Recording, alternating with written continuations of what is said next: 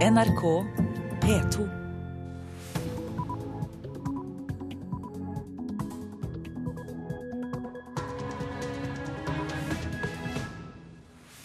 Klokka er 6.30, det er tirsdag 29. oktober. Dette er hovedsaker i Nyhetsmorgen. Informasjonen om strømprisene må bli bedre, mener Forbrukerrådet. Så det er behov for en bedre side som er nøytral, og som gir etterrettelig informasjon om alle avtalene i markedet. Bjørnar Eilertsen, seniorrådgiver i Forbrukerrådet. Og regjeringen sier den vil ha en bedre strømprisportal. En gruppe som støtter Syrias president Bashar al-Assad, sier de står bak hackingen av en Twitter-konto som brukes av USAs president Barack Obama. Galt av USA å overvåke regjeringssjefer i andre land, det sier en demokratisk senator. Og gateselgerne av eh, Er lik-magasinene merker at det er vanskeligere å selge bladet. Nå har det fått dobbel pris. Strømkundene må fortsatt ha mulighet til å sammenligne priser på et uavhengig nettsted. Det mener regjeringen. Derfor reverserer den nedleggingen av strømprisoversikten til Konkurransetilsynet. Det sier statssekretær Eirik La Solberg i Næringsdepartementet. Dessverre så ga den forrige regjeringen, den regjeringen beskjed til Konkurransetilsynet om at de kunne legge ned strømprisportalen. Eh, det er vi uenig i, eh, så vi ønsker at den videreføres. Eh, men så har den mange svakheter. Og Derfor bør det etableres en ny strømprisportal så raskt som mulig. Grunnen til at prisoversikten på strøm ikke er god nok, er at den inneholder bare noen av alle prisene forbrukerne faktisk tilbys. Det som vi ser i kraftbransjen, det er at det er en ganske betydelig reklameinnsats. Den reklameinnsatsen kan selvfølgelig bidra til å opplyse forbrukere, men det bidrar åpenbart også, som du har pekt på, til at forbrukere blir ledet bort fra de billigste produktene. Kundene har i dag store problemer med å finne en strømavtale de er tjent med, sier fagdirektør Thomas Bartholsen i Forbrukerrådet. Og det bidrar da til at forbrukerne betaler 500-600 millioner mer enn de ville gjort dersom de alle hadde valgt den gunstigste avtalen. Og Derfor bør Forbrukerrådet lage ny og bedre tjeneste for å sammenligne priser på strøm etter mønster av Finansportalen, sier seniorrådgiver Bjørnar Eilertsen i Forbrukerrådet. I dag så er kraftprisoversikten mangelfull. Den omfatter ikke alle tilbudene i markedet. Vi kan heller ikke se at de private sidene har alle tilbudene i markedet. Så det er behov for en bedre side som er nøytral, og som gir etterrettelig informasjon om alle avtalene i markedet. Vi estimerer at kostnaden til å utvikle den på nytt vil være 4 millioner kroner. Eh, deretter vil det koste to millioner kroner årlig å drifte portalen. Det er ingen dum idé, men det må vi tenke litt mer på, sier statssekretær Eirik La Solberg i Næringsdepartementet. Det finnes flere muligheter, men en eh, nærliggende mulighet er jo at dette blir eh, hos Forbrukerrådet. Forbrukerrådet har jo andre portaler, som Finansportalen, hvor folk kan sammenligne lånekostnader og andre forsikringspriser og den type ting. Så mm, Forbrukerrådet er jo et nærliggende sted å legge en sånn portal. Men fordelen med å legge det i Forbrukerrådet er at da kan vi samle mange av disse nettstedene på ett sted. Reporter, det var Hedvig Bjørgum.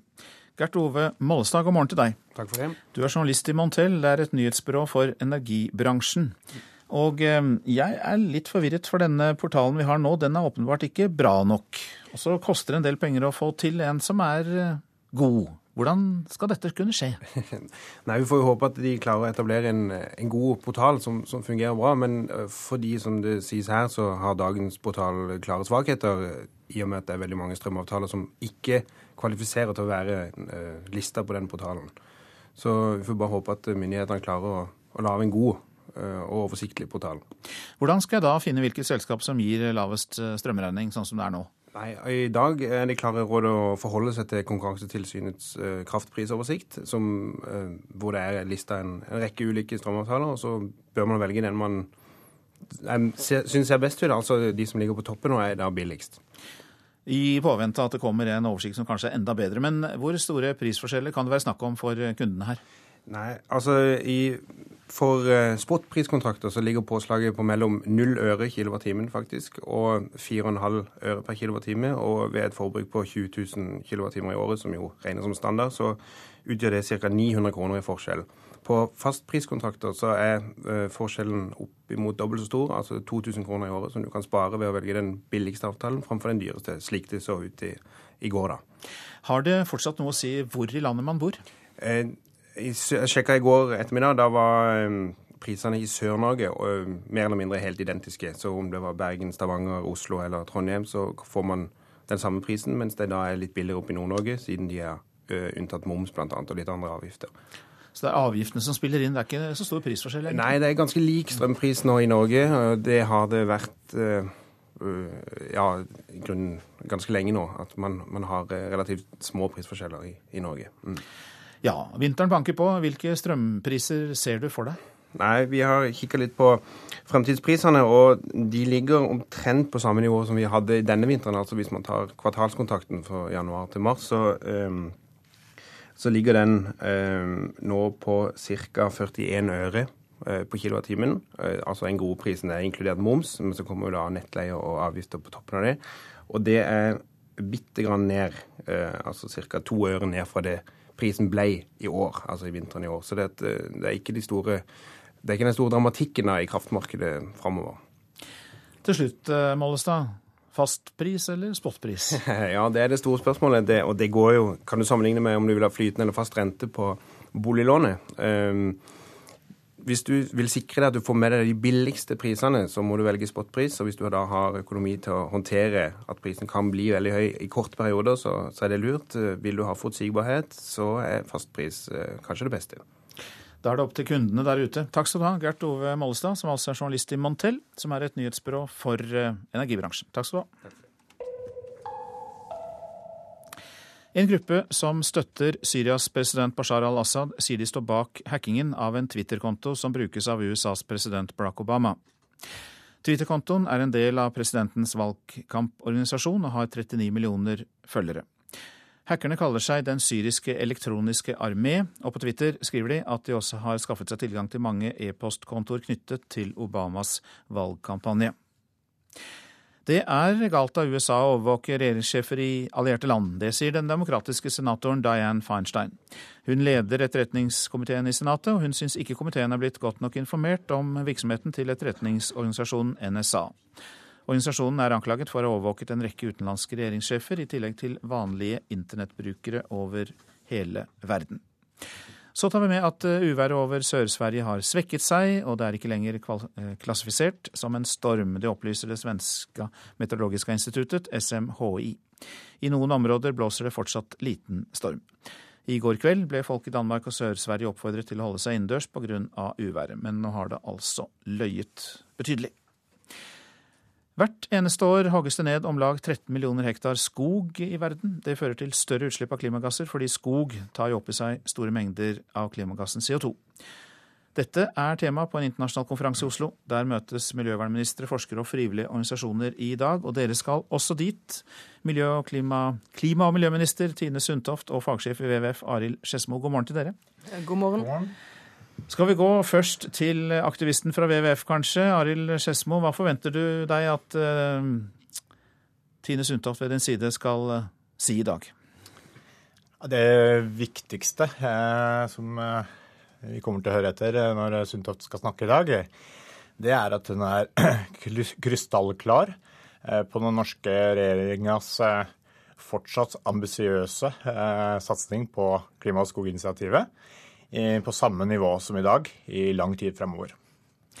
Ja, Norges eh, nye miljøvernminister, og kanskje første gang i Nyhetsmorgen. Hva vet jeg, Tine Sundtoft. Kan du love det? Jeg kan love at uh, Norges innsats for å redusere klimagassutslipp fra avskoging og skogforringelse, det utgjør en drivkraft i internasjonal klimapolitikk. Og det kommer uh, Høyre- og Frp-regjeringen til å fortsette. Men uh, like mange penger? Vi har ikke lagt fram vårt alternative statsbudsjett ennå, så det må vi komme tilbake til. Men at dette kommer til å være en viktig satsing for oss, det er helt Ikke konkrete penger, men viktig satsing. Er det nok for deg, Skedsmo? Eh, nei, jeg vil gjerne høre at det er like mange penger. Eh, kan få si hvorfor det er viktig.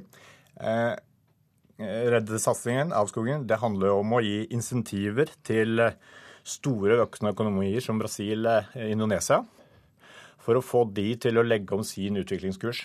Eh, de ministerne og regjeringene som eh, tar politisk risiko der ved å satse på en annen utviklingsbane, de trenger å vite at det internasjonale samfunnet er bak dem. De trenger krystallklare løfter og støtte fra, fra Vesten, inkludert Norge, som er er den store pådriveren på dette. Men samtidig så vet vi jo at det står penger ubrukt på konto. Annet har ikke Brasil brukt eh, alle regnskogmilliardene.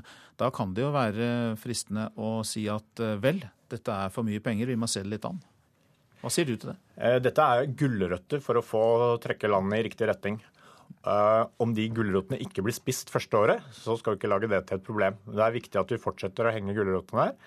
Eh, når det gjelder Brasil, så er det mer snakk om at det tar tid å få eh, prosessert pengene på en trygg og forsvarlig måte. Det, det er bra, det ønsker alle. Men det er viktig at vi er klare på at satsinga opprettholdes på dagens nivå. Suttoft. Det er ingen tvil om at Norge vil fortsatt være et globalt lederland på dette området. Og prosjektet fortsetter med de samme føringene. Og det er fortsatt bistandsmidler som skal brukes, og det er fortsatt viktig for å skape sosial utvikling gjennom arbeidet for å nå klimamålene. Nå har også denne regjeringen samla forvaltningen av klima- og skogprosjekter i Miljøverndepartementet for å få et tydeligere klimastempel på regnskogsatsingen. Så det er ingen tvil om at vi fortsatt skal være ledende på dette området. Men hvordan kan eh, du og regjeringen sikre deg at eh, disse skogmilliardene blir brukt riktig og godt? Det er jo det som er så viktig, at vi har nær kontakt med mottakerlandene og ser at de pengene vi stiller til rådighet, gir konkrete resultater.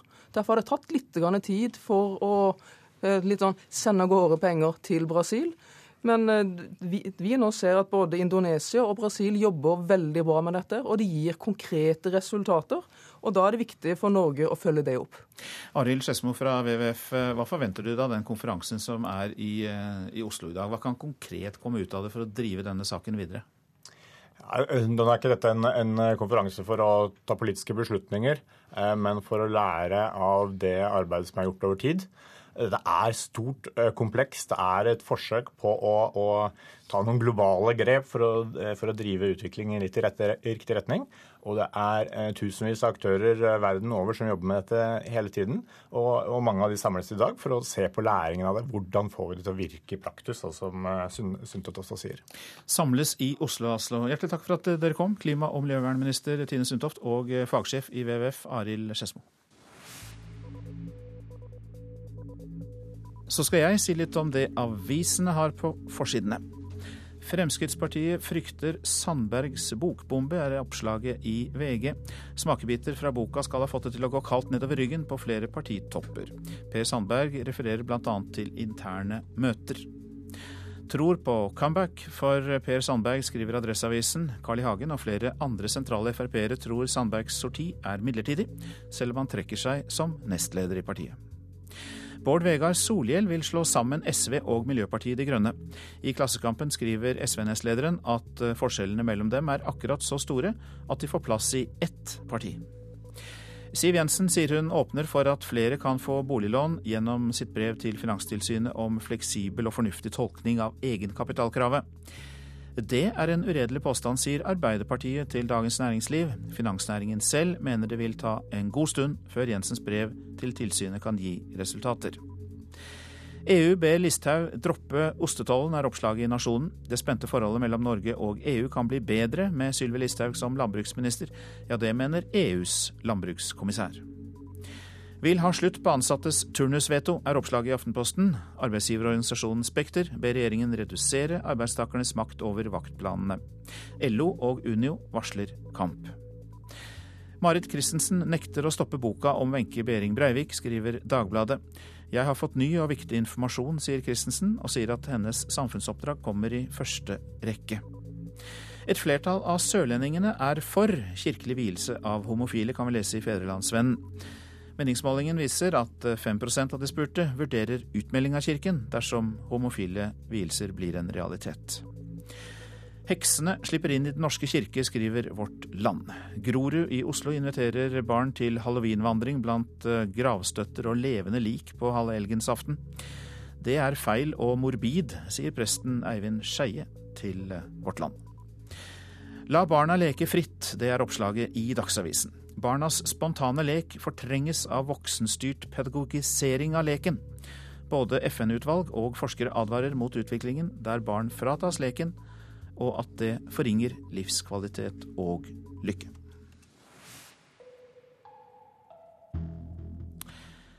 Vi går inn i sportens verden her i Nyhetsmorgen. Landslaget har lært av støyen rundt sparkingen av tidligere landslagssjef Egil Olsen. Ja, det mener nåværende landslagssjef Per-Mathias Høgmo.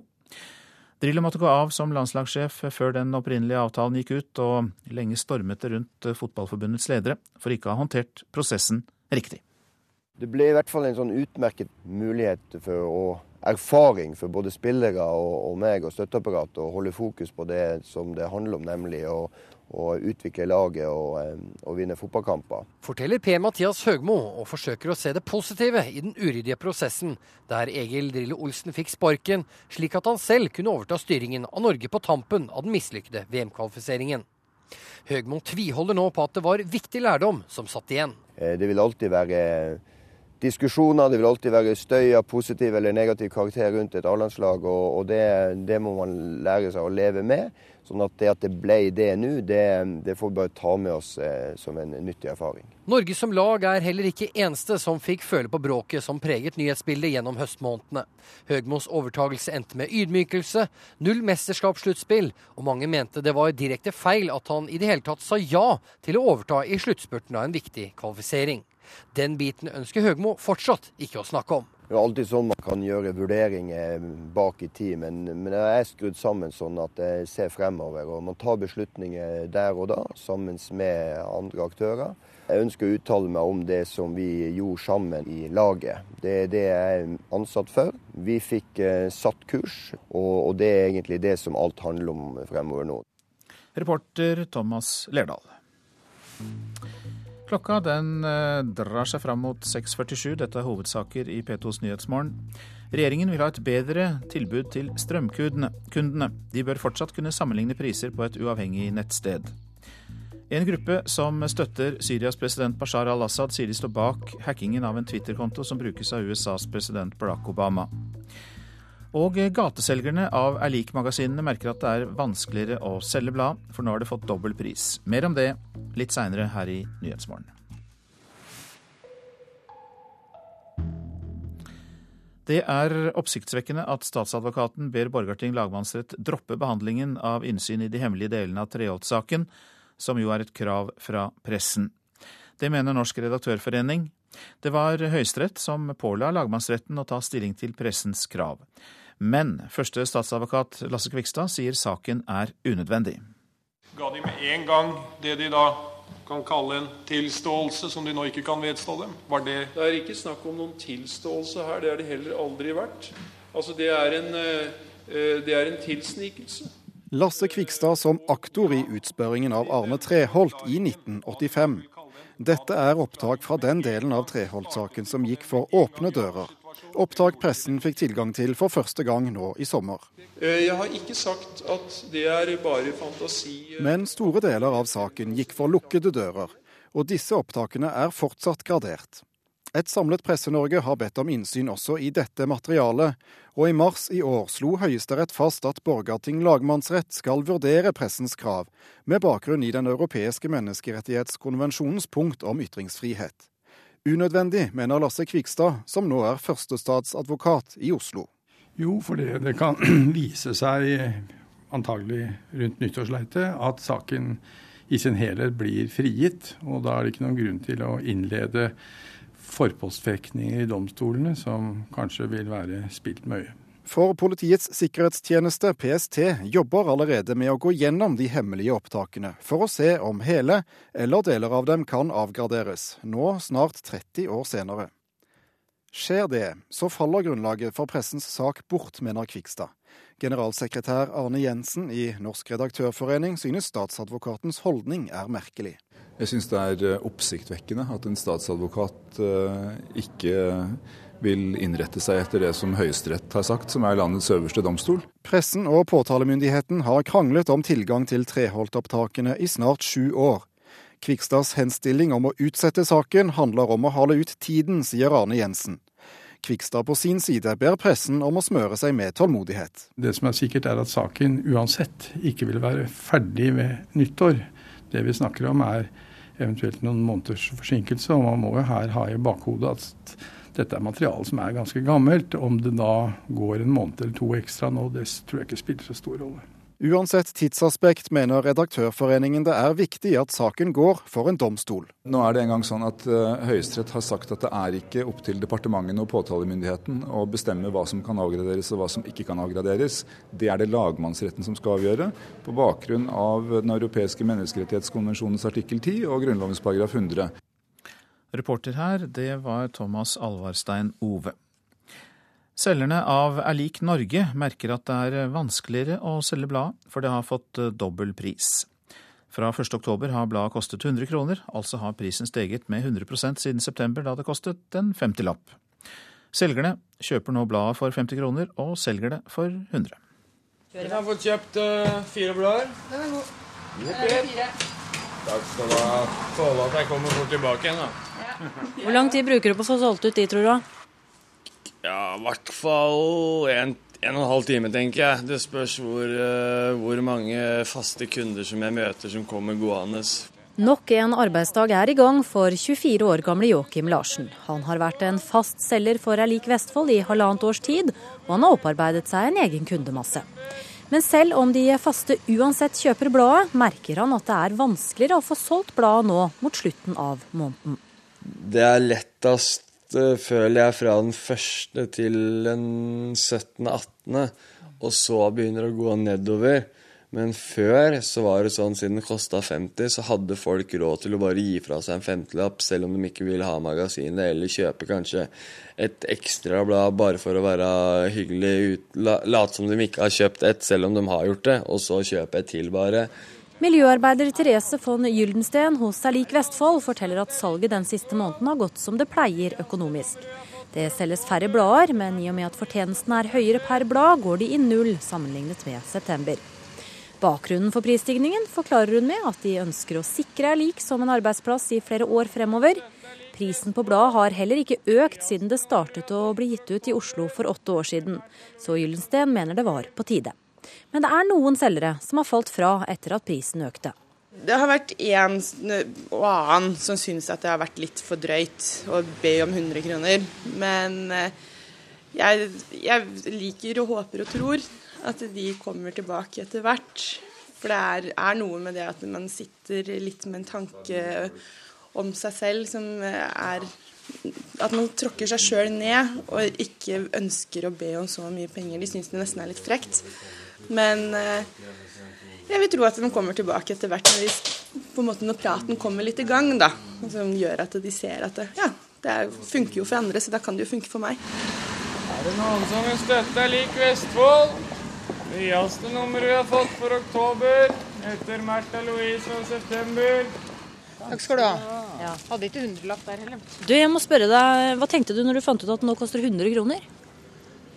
Jeg tenkte at enten så kjøper jeg det magasinet, eller så kjøper jeg det ikke. Det betyr ikke veldig mye med den prisøkninga, tatt i betraktning alt mulig annet rart en bruker penger på.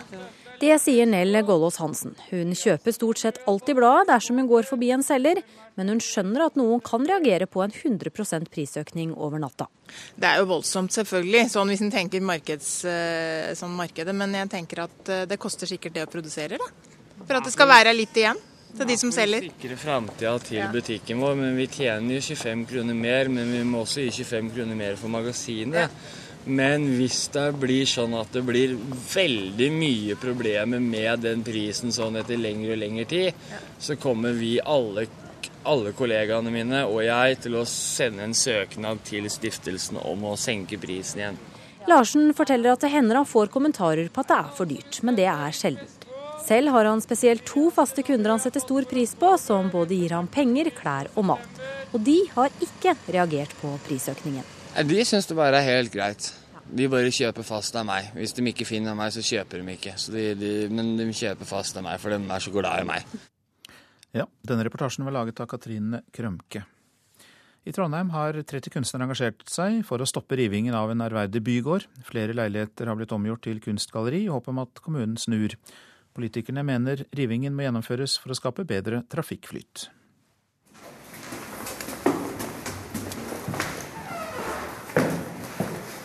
Nå står vi i fjerde etasje i Elgsetergate 30B, hvor jeg har laget en eh, barokk hage med en fontene i midten og masse mm, blomster rundt.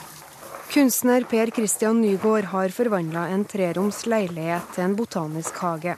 Lukta av det friske grønne står i sterk kontrast til den svært så trafikkerte veien som går rett utafor.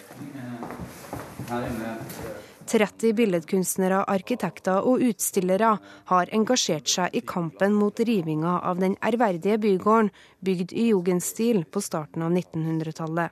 Vi ønsker å vekke til live debatten om bygården skal rives eller ikke. Det er initiativtaker og kunstner Trygve Oren og Charlotte Rostad som står bak prosjektet. Det er jo ikke da snakk om å verne bare for verninga sin del, men det er snakk om det at den bygården her kan gi noe tilbake til den bydelen og den gata som skal lages her, som man ikke kan gjenskape.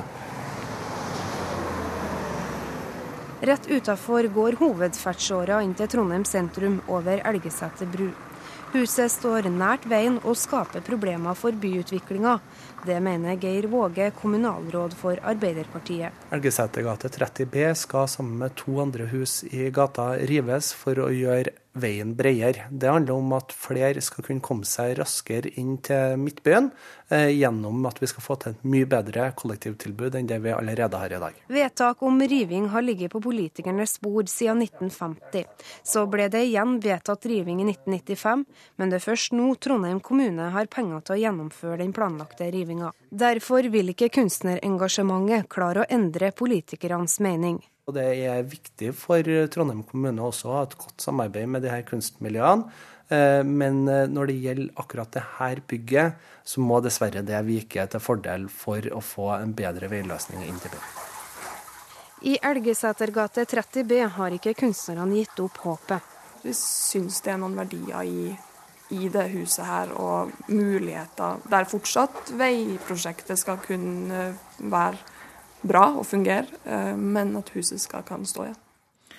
Initiativtaker og kunstner Charlotte Rostad til slutt, og de tre bygårdene skal etter planen rives i 2015. Reporter eh, Kaja Kristin Næss.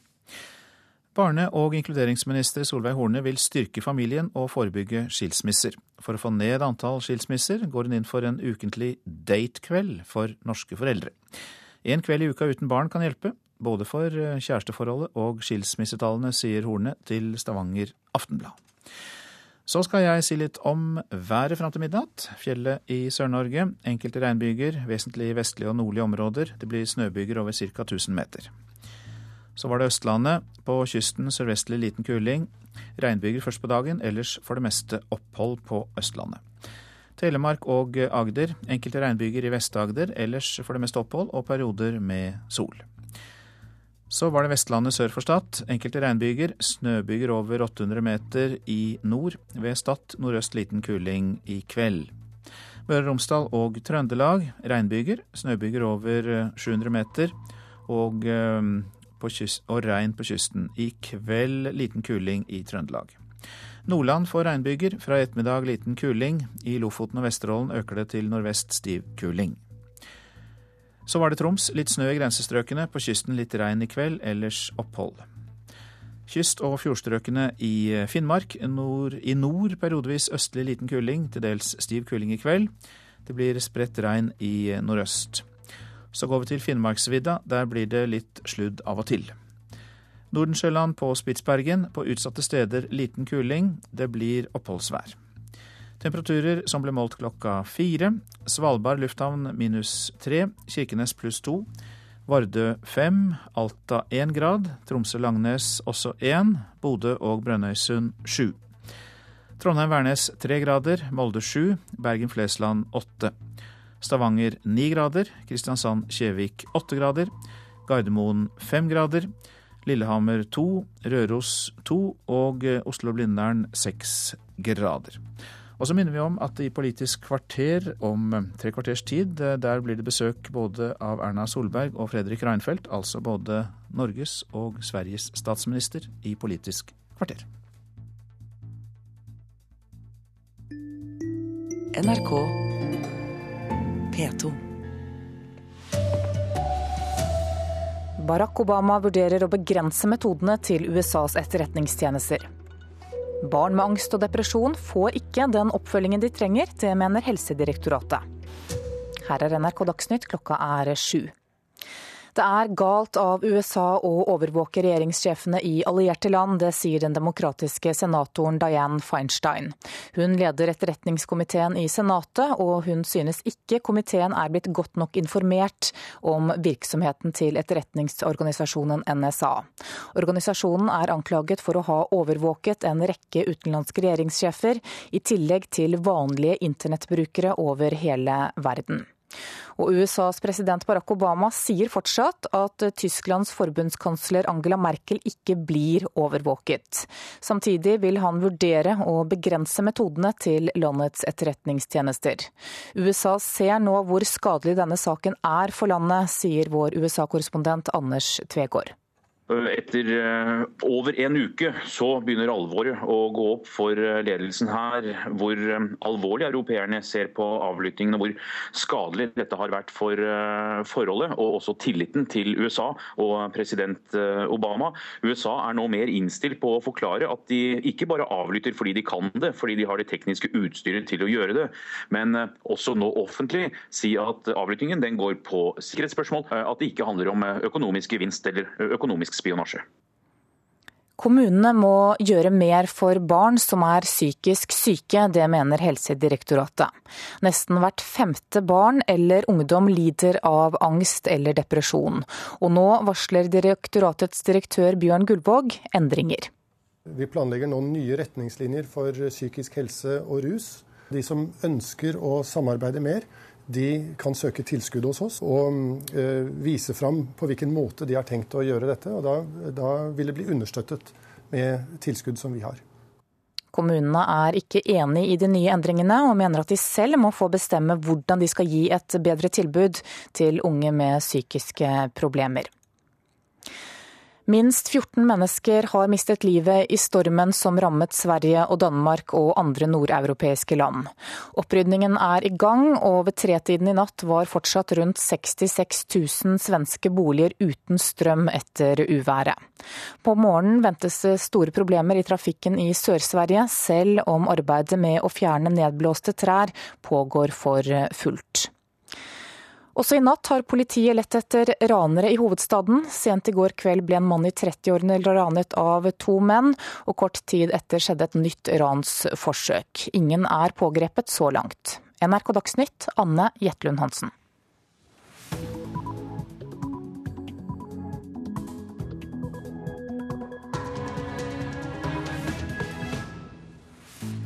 Nyhetsmorgen fortsetter i P2 og Alltid nyheter med bl.a. disse sakene. Norsk etterretningsagent sier han skjøt sovjetiske soldater under den kalde krigen. Frp har lovet billigere strøm, men den kan likevel bli dyrere med et rød-grønt avgiftsforslag.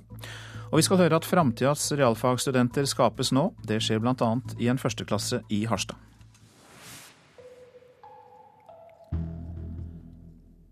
Få dager før han døde, fortalte 80 år gamle Arne Lund fra Nordreisa i Troms NRK om sitt liv som etterretningsagent, med oppdrag inne i Sovjetunionen, og det var under den kalde krigen. På et av oppdragene bak jernteppet ble han oppdaget, og så seg nødt til å skyte tre sovjetiske soldater. Jeg har aldri er det sånn anledning at jeg har hatt noen anledning til å prate om det. Han var syk og redusert, men likevel klar i hodet. Arne Lund fra Sappen i Nord-Troms har levd hele livet med hemmeligheten om hvordan han lot seg verve av amerikansk etterretning til oppdrag gjennom jernteppet inn i Sovjetunionen. Så var det da en amerikaner som kom til meg og så sier han at vi skal skaffe deg en annen jobb. Jeg skulle, så jeg skulle gjøre en, en tur til Finland, til et bestemt sted i, i Finland med noe utstyr. Det kaltes for utstyr. Og, og sånn begynte det. Det har lenge vært kjent at norsk etterretning brukte finske agenter til å gå inn i Sovjetunionen under den kalde krigen. Det har også vært kjent at nordmenn deltok i disse operasjonene, men Arne Lund er den første som offentlig står fram og forteller at han var en av dem som var med. Og på den siste turen han gjorde, støtte han på tre sovjetiske grensevakter. Så ser han opp på meg, og jeg var nødt til å gjøre det. Jeg brukte det lydløse. Og så brukte jeg Ja, til, til, det var Til det var slutt. Tror du de døde med en gang? Nei, jeg gjorde ikke det. Øya forfølger meg ennå en dag i dag. Ja, det sa Arne Lund. Han døde 15.2 i år, fem dager etter dette intervjuet. Og eh, du kan se mer om dette på Brennpunkt på NRK1 i kveld. Reporter her var Morten Jentoft, og du er også med oss nå i eh, studio, for vi gir oss ikke helt. Vi vil vite mer om dette. Du har jo skrevet flere bøker om dette temaet og kjenner historien. Hvor unikt er dette? Ja, eh, det er jo unikt at en, en nordmann offentlig da står fram og forteller om eh, disse operasjonene her. Fordi at etterretningsoperasjonene inn i Sovjetunionen under den kalde krigen, og vi snakker faktisk ikke mer om en 40-50 år tilbake, altså vår nære, nære historie, de hadde ligget et slags sånn tåkeslør over. De har vært eh, blant det hemmelige av det hemmelige. Nå sa jo Arne Lund til meg at han mente at dette var en amerikansk operasjon, styrt helt av amerikanerne. Han sa jo, som vi hørte i intervjuet her, at det var amerikanere som vervet han, men at det var norske kontaktpersoner. Men dette kan uh, utmerket godt ha skjedd uten at uh, sentrale norske myndigheter, selv i de militære, da visste om det som skjedde. Men vi vet jo det at eh, amerikanerne også hadde sine kontakter direkte med bl.a. norske offiserer, som jo helt sannsynlig har vært involvert i denne operasjonen. her, For dette var jo en ganske stor operasjon, det å sende en agent inn i Sovjetunionen via Finland. Så jeg forstår det slik at uh, det er sannsynlig at han ikke var alene? Ja, det var jo helt sikkert at han ikke var alene. Han uh, hadde jo da, uh, som han sier, da, en amerikaner som var på en måte hans føringsoffiser her. Og han hadde også oppgitt nordmenn da som kontaktpersoner hvis noe skulle komme til å, å, å gå galt. Men dette var jo så hemmelig at need to know-prinsippet det gjaldt jo her. Færrest mulig da er involvert, slik at færrest mulig visste om dette her, og kunne da bli eh, stått til ansvar for dette. Vi vet jo at dette var veldig veldig kontroversielt under den kalde krigen. Eh, mange kjenner til U2-episoden, det amerikanske spionflyet som ble skutt ned over Sovjetunionen, og som skulle lande i Bodø i Norge, viste det seg. Da truet jo eh, sovjetiske myndigheter rett og slett med å bombe Bodø, altså en norsk by, pga. Av, av dette her. Og det var vel bare inngripen direkte fra statsminister Einar Gerhardsen, som klarte å roe ned russiske myndigheter og daværende partisekretær Nikita Khrusjtsjov, eh, slik at det ikke eh, det ble utviklet seg enda mer alvorlig, denne saken. Sånn at dette, dette er eh, kontroversielt. Hvorfor valgte Arne Lund å fortelle dette, bl.a. dette at han uh, drepte sovjetiske soldater for å komme seg ut? Ja, Det er klart at dette her har ligget som en tung bør på han uh, hele livet. Og jeg kom jo i kontakt med ham via en, en nær slektning. De to hadde blitt fortrolige helt på tampen av livet til Arne Lund. Og han uh, valgte altså å si ja da jeg spurte ham om å få lov å intervjue han da uh, når han lå på sykesengen på Storslett i, i Nordreisa. Og uh, Fem dager seinere så var han altså død. Så det var altså i siste liten vi fikk eh, dokumentert eh, hans historie, hvordan han framstilte sin, sin, historie. Takk for at du kom, Morten Jentoft. Og det blir altså mulighet for å se og høre mye mer om dette i Brennpunkt på NRK1 i kveld. Takk skal du ha. I eh, årevis har Frp lovet velgerne billigere strøm, men eh, strømmen kan likevel bli dyrere neste år fordi de rød-grønne har foreslått å øke elavgiften. FrPs finanspolitiske talsmann kan ikke garantere at den blå regjeringen får gjort noe med saken før kulda setter inn. På mitt kontor så har en av oppgavene vært å rydde i skuffene til Sigbjørn Johnsen. I kontorskuffen har finansminister Siv Jensen funnet et Johnsen-forslag om å øke elavgiften med 10% Det vil gi en halv milliard ekstra strømkroner fra forbrukere til staten.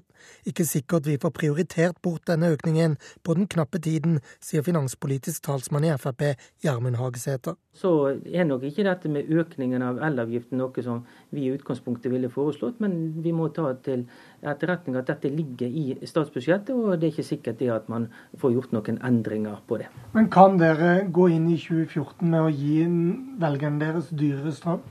Vi kan gå inn i 2014 eh, og akseptere at enkelte avgifter går opp, men det samlede skatte- og avgiftstrykket det må ned.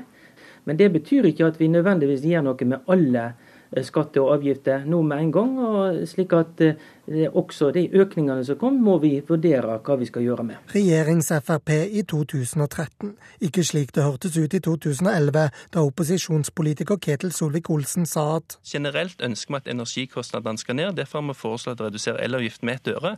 Redusere med et øre kan bli til øke med et øre. Ja, Dette er en finte. Det er klart at De rød-grønne har nok vært forholdsvis bevisste på dette. her. Nå har dere makta, sier Aps Marianne Martinsen. Altså, Frp har jo, har jo, gjennom gjentatte alternative budsjetter tatt til orde for å sette elavgiften kraftig ned. Det er selvfølgelig helt opp til Frp å gjøre noe med den saken og prioritere det når de nå sitter og forhandler budsjett, dersom de mener at det er viktig. Ap ville styrt på en økning, fordi Miljøhensyn og også det faktum at, eh, at de store prishoppene i, strøm, i, strømprisen har uteblitt de siste åra. Og det er fordi vi har bygd ut vesentlig med, med elproduksjon, gjort utbedringer i nettet sånn at strømprisen er mye jevnere, og folk betaler jevnt over mye mindre for strømmen sin nå enn det de gjorde for et par år siden. Reportere her, det var Lars Nehru Sand og Katrin Hellesnes. Trine Eilertsen, du er kommentator her hos oss i NRK. Ja, Er det en finte, slik eh, Hagesæter sier, altså en finte fra de rød-grønne til de blå? Altså Det er en del av det totale puslespillet der en regjering prøver å finne inndekning for det som er av eh, utgiftsøkninger og få budsjettet til å gå i hop. Eh, men det er klart at for Frp vil de oppleves som som nok en post som blir vanskelig å forklare overfor velgerne. Ikke minst hvis vi får, mot formodning skulle få en eh, sånn strømkriseaktig vinter hvor det blir veldig kaldt og strømprisen går eh, veldig opp. Da er dette noe som vil plage særlig Frp. Men eh, ordet finte det lyder jo som om det er noe man har lagt inn for å skape trøbbel. Men eh, når jeg hører på deg, så virker det som om dette er kanskje noe man må massere og finne seg og jobbe med i et statsbudsjett? Ja, det akkurat denne type avgiftsøkninger som egentlig har en sammensatt begrunnelse. Eh, både at du selvfølgelig trenger pengene i statsbudsjettet, men også det at, eh, at avgiftene avgiften skal bidra til at vi har et mer bevisst forbruk av strøm. Det er jo et politisk valg. Hvilke muligheter har de da for å redusere elavgiften, altså den blå regjeringen? Ja, Det kommer helt an på hva de gjør på, på alle de andre avgifts- og skattepostene. Og for å si det sånn, Den listen er uendelig lang. Det er mye å ta tak i hvis du virkelig ønsker å sette ned skatt og avgift. Eh, inntrykket er jo at eh, Høyre og Frp vil bruke den korte tiden de har til å velge noen symbolskatter, helst, om du vil, på, eh, i statsbudsjettet, så de kan sette ned for å vise at vi har fått en endring. Men så skal de også varsle tydelig, og det gjør de, at det er begrenset hva vi får tid til å gjøre. Ja, Er det noen navn på de symbolskattene og avgiftene? Hva tror du kan komme til å bli satt ned? Ja, altså Skatt eh, både på, på, eh, inntekt, vi har snakket om skatteklasse 2, vi har snakket om eh, kanskje noe på, for bedriftene. Eh, så det blir spennende å se hva, hva, type pakke de syr sammen for å markere at eh, det blir en endring. Så det betyr at eh, regjeringen kan tolke det slik at noe er tross alt viktigere enn denne elavgiften? Ja, altså summen er relativt beskjeden. Eh, signaleffekten er sterk, fordi Frp har gått høyt på banen før i den saken.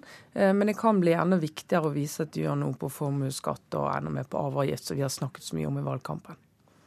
Takk skal du ha, Trine Eilertsen, som er kommentator her hos oss i eh, NRK. Nå om eh, psykisk syke barn og unge som ikke får god nok hjelp av kommunen, for det mener Helsedirektoratet, og varsler nye retningslinjer og penger til kommunene som vil endre sitt behandlingstilbud. Men Helge Eide i Kommunenes Sentralforbund er ikke enig i virkemidlene. Hvis retningslinjer skal bli svaret, så tror jeg man vil bli relativt fort skuffet. fordi det er ikke mangel på retningslinjer ofte som har vært uh, hovedutfordringen. Hovedutfordringen er rett og slett muligheten til å kunne sette inn Eh, ressurser når eh, man har så mye annet man samtidig er nødt til å gjøre samtidig. Han mener mer penger og mer ansvar hos kommunene vil gi friskere norsk ungdom. Nesten hver femte person under 18 år har angst eller depresjon. Sånn kan det ikke fortsette, mener Helsedirektoratets direktør Bjørn Gullvåg. Kommunene må satse mer på de yngste, sier han. Det gjelder både voksne og barn, men det gjelder i hvert fall også på barnesiden at man har en del igjen med å bygge ut tilbudet i kommunene. Kommunale instanser som skole og helsesøster skal bli flinkere til å samarbeide med spesialhelsetjenestene. Helsedirektoratet vil belønne kommuner som får til gode samarbeidsløsninger med penger. I tillegg lover direktoratet oppsøkende fagpersoner. Det er på tide, sier Terje Lund, leder i Norsk barne- og ungdomspsykiatrisk forening. Han mener kommunene altfor ofte skyver ansvaret over på spesialhelsetjenestene. Man kan møte sånne holdninger som at dette barnet er hjemmehørende i spesialisthelsetjenesten. Eh, og da mener man bolig og det hele. Mens eh, spesialisthelsetjenesten jo ikke tar mål av seg til å skape hjem for noen barn. Altså, så, sånn at um, det, det, trengs nok en, en opprydning og en tydeliggjøring for kommunene om hva det kommunale ansvaret går ut på. Norske barn og unge ruser seg mindre enn før. De møter opp på skolen og har høye ambisjoner for seg selv. Samtidig er psykiske plager utbredt. En av tre faller utenfor videregående skole, og tenåringene rører seg altfor lite, viser studier. De nye retningslinjene skal sørge for at de unge får én hjelp som er samkjørt mellom helsevesenet, skolen og familien. Kommunene er positive til fokuset på de unge, men ser heller at pengene ble brukt annerledes. Vi håper jo at det som kan bli laget, er det vi kaller for et forebyggende folkehelseprogram. Særlig rettet mot forebyggende tiltak i forhold til barn og unges eh, psykiske helse. Som da er bygget på, på eh, lokale vedtak eh, og lokal kunnskap. Kanskje med litt mindre mulighet for Helsedirektoratet til å sitte og, og vurdere hva de mener er, er, riktig og galt, og med større myndighet til, til de som faktisk sitter med utfordringene lokalt. Helge Eide i KS, reportere Trude Bakke og Marit Gjelland. Dette er P2s Nyhetsmorgen. Klokka den går fram mot 7.17. Vi har disse hovedsakene. Frp har lovet billigere strøm, men den blå regjeringen kan bli nødt til å ta med seg den økte elavgiften i de rød-grønnes forslag til statsbudsjett. Barack Obama vurderer å begrense metodene til USAs etterretningstjeneste. Og i Kina frykter myndighetene at gårsdagens bilbrann midt i Beijing sentrum var et terrorangrep. Mer om det straks. For i Kina så er to navngitte menn etterlyst etter hendelsen i går, der fem mennesker mistet livet og nesten 40 ble skadd. Det var altså på Den himmelske freds plass i Beijing sentrum. AC-korrespondent Anders Magnus, du er med oss eh, fra Beijing. Hvem leter politiet etter? De leter nå etter eh, to uigurer. Uigurer er en folkegruppe som bor i Xinjiang-provinsen nordvest i eh, Kina. Og det er en separatistbevegelse her. Det er altså en en bevegelse blant eh, en del av uigurene som ønsker å løsrive seg fra Kina. Uigurene de er jo eh, helt annerledes enn de fleste han-kinesere. De er muslimer, de ser ikke ut som kinesere, og de snakker et tyrkisk språk. Hvordan har forholdet mellom uigurer og kinesiske myndigheter vært i løpet av de siste årene? Veldig dårlig. Eh, det er jo disse eh, separatistgruppene som kinesere kaller terroristgrupper. Eh, de har drevet en slags lavintensiv krig mot kinesiske myndigheter med angrep på politistasjoner og andre myndighetsbygninger og folk. De siste, bare de siste månedene så er 140 uigurer arrestert i Xinjiang-provinsen for angivelig å ha spredd jihad. Og eh, I eh, august i år så ble 22 uigurer drept i en, eh, det som kinesiske myndigheter kaller en antiterroristoperasjon. Så det er klart at det kinesiske myndigheter nå frykter, er at disse mer militante uigurene, som ønsker også løsrivelse fra Kina, at de skal spre terror ikke bare i sin egen, sitt eget område, men også i andre deler av Kina og i eh, hovedstaden Beijing. Ja, nettopp. Hvordan er da sikkerheten på Tiananmen-plassen f.eks.? Her er det jo forferdelig mange mennesker hver eneste dag. Dette er kanskje et av de viktigste turistmålene i hele verden. 14 millioner mennesker besøker jo eh, Den forbudte by, som ligger rett nord for Tiananmen-plassen. Så her er det utrolig mye sikkerhet. Det er politifolk overalt, både uniformerte og sivilkledde. Og i tillegg så er alle de som får lov til å selge varer Eh, på denne plassen, de er, eh, eh, er ikke angivere, holdt jeg på å si, men altså de må rapportere til politiet hva de ser, og hvis de ser noe mistenkelig. Så det er veldig eh, spesielt at en bil klarte å kjøre tvers gjennom sperringene og inn i selve hjertet av eh, hele Kina, rett under eh, bildet av Mao Zedong foran porten inn i den forbudte by. Og her eh, ble det eksploderte bilen, og tre, fem mennesker ble drept. Tre av dem var inne i bilen. Man mistenker jo at det som kan ha skjedd, er at disse tre skulle egentlig spre seg på tre forskjellige mål. Slik at flere ble rammet, men at de ble oppdaget av politiet. Og så kjørte de da inn i menneskemengden i stedet for. Og hvordan er omtalen i kinesiske medier? Har det vært mye gjengivelse av det som skjedde? Nei, eh, kinesiske myndigheter er veldig restriktive overfor mediene. Eh, de får bare lov å trykke eh, et telegram som er laget av det statlige nyhetsbyrået. Ingen får lov å lage sine egne reportasjer. Og nettopp nå så ble BBCs innslag om dette her eh, sensurert av kinesiske myndigheter. BBC gikk i svart i hele Kina når de omtalte denne hendelsen i går. Takk skal du ha, Anders Magnus fra Beijing. Amerikansk overvåkning nå. Reaksjonene har vært sterke etter at det ble avslørt at etterretningsorganisasjonen NSA har overvåket flere europeiske regjeringssjefer, bl.a. Tysklands Angela Merkel. I går gjentok Det hvite hus at hun ikke blir overvåket nå, men åpner for å vurdere begrensninger på de metodene landets etterretningstjeneste bruker, forteller USA-korrespondent Anders Tvegård. Det skal de bruke et par måneder på å finne ut. Det Det hvite hus har sagt at her må man finne en balanse mellom etterretningsvirksomhet og privatlivets eh, fred. Og En gjennomgang av etterretningstjenesten den eh, skal være ferdig til eh, nyttår. Etter over en uke så begynner alvoret å gå opp for ledelsen her, hvor alvorlig europeerne ser på avlyttingen og hvor skadelig dette har vært for forholdet og også tilliten til USA og president Obama. USA er nå mer innstilt på å forklare at de ikke bare avlytter fordi de kan det, fordi de har det tekniske utstyret til å gjøre det, men eh, også nå offentlig si at avlyttingen den går på sikkerhetsspørsmål, eh, at det ikke handler om økonomisk gevinst eller økonomisk spionasje. Ja, Du sier at de skal forklare dette, men kan det tolkes inn noe selvkritikk her fra amerikanske myndigheter? De um, sier nok at uh, dette har skadet forholdet. I Senatet så har det nå flere politikere som også reagerer og sier at det er feil å overvåke USAs allierte. Dianne Diane Feinstein, som er leder i Senatets etterretningskomité, hun har uh, gått ut og også varslet en gjennomgang av NSAs virksomhet. Og hun mener at politikerne ikke har fått gode nok svar fra NSA til nå. Hun varsler altså høringer og gjennomgang. I dag skal også representanthuset i Kongressen ha en høring om denne virksomheten.